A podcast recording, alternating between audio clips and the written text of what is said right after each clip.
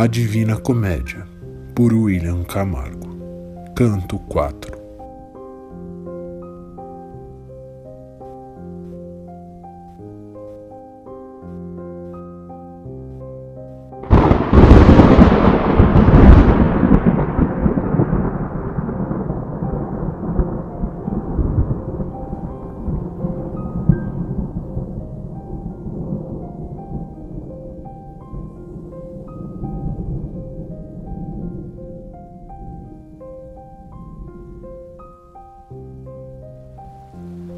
Acordei com o som de um trovão, já nas bordas abissais do fosso infernal, onde ecoam gritos infinitos. Tão escuro e nebuloso que era, por mais que eu tentasse forçar a vista ao fundo, não conseguia discernir coisa alguma.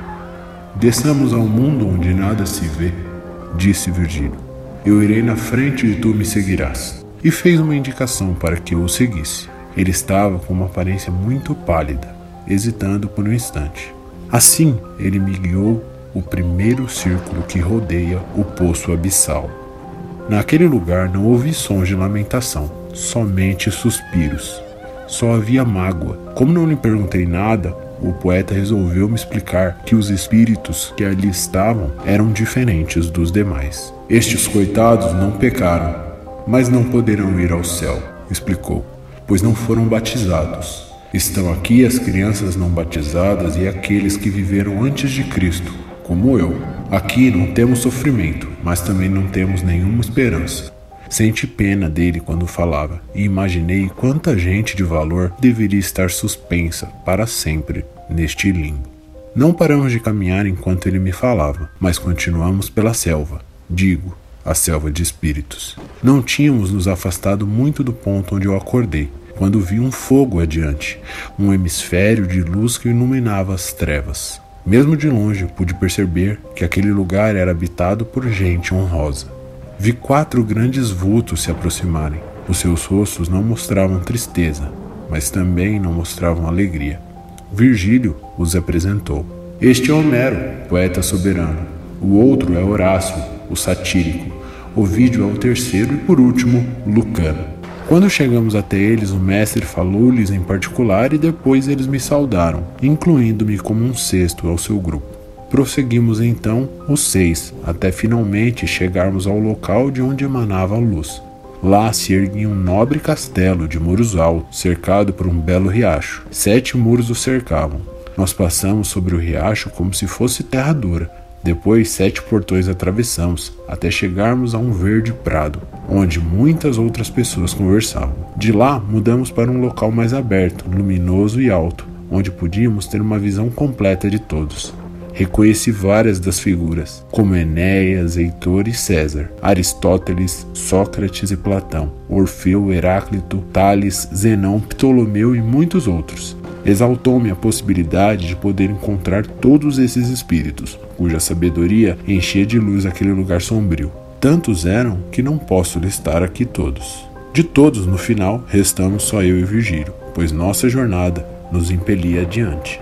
Chegamos então a um lugar onde nada mais reluzia.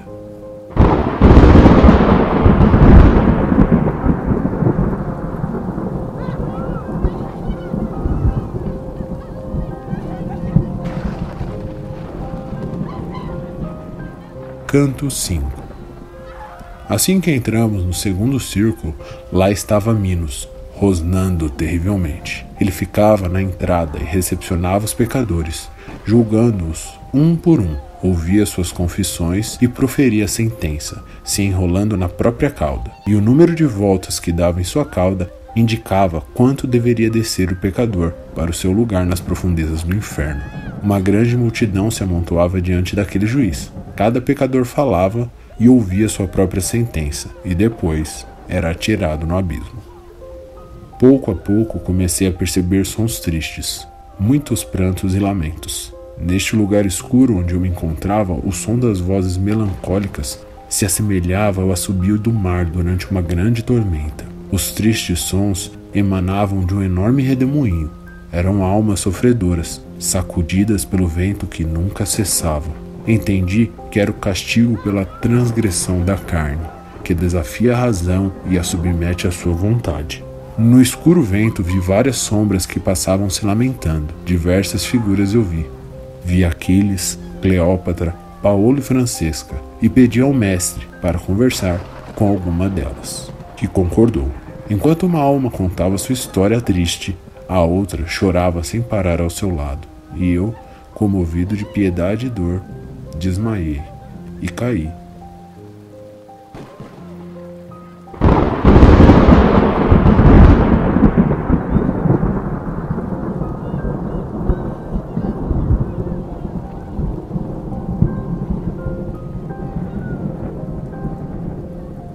Canto 6 Quando acordei já estava no terceiro círculo, cercado de mais tormentos e mais atormentados que surgiam de todos os lados. Uma chuva gélida, eterna, com neve e granizo, caía sobre a lama podre que as almas encharcavam-se.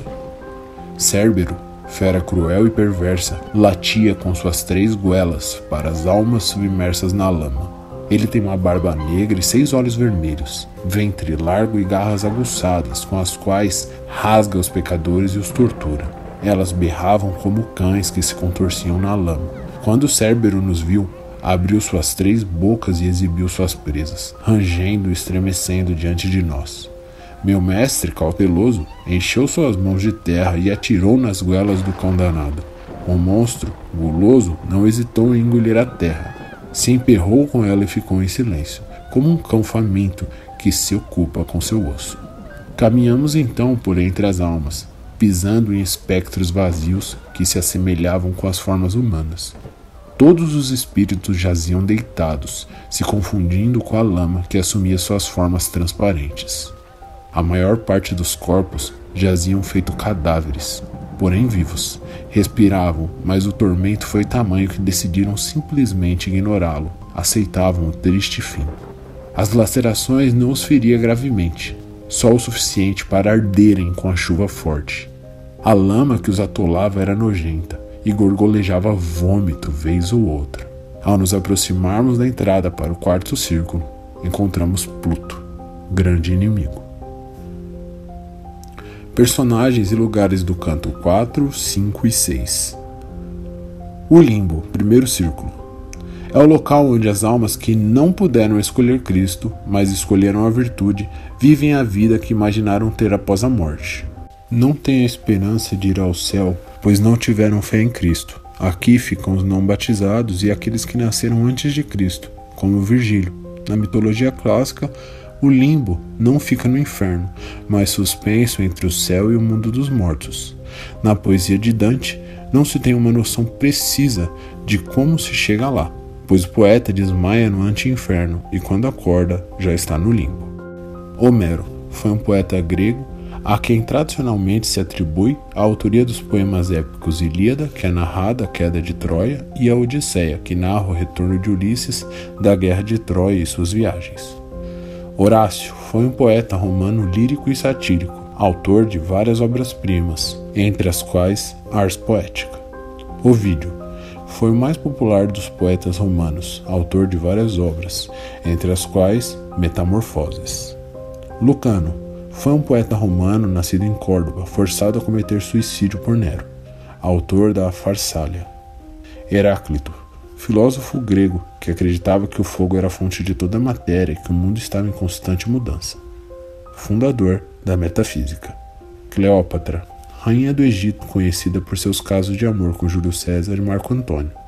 Minos, na mitologia grega, foi um rei lendário da ilha de Creta, cuja esposa é mãe do Minotauro. Era filho de Zeus com a princesa Europa. Aquiles foi o maior dos guerreiros gregos na mitologia grega. Quando criança, sua mãe o imergiu no rio Estige, tornando-o imortal. Paulo e Francesca eram cunhados adúlteros que foram surpreendidos e mortos pelo marido traído. Cérbero é um cão de três cabeças que guarda a entrada do mundo subterrâneo na mitologia grega. Cérbero deixa qualquer um entrar, mas não deixa quem entrou sair. Poucos heróis conseguiram escapar da guarda de Cérbero. Orfeu, que hipnotizou com a lira, e Hércules, que derrotou com as mãos.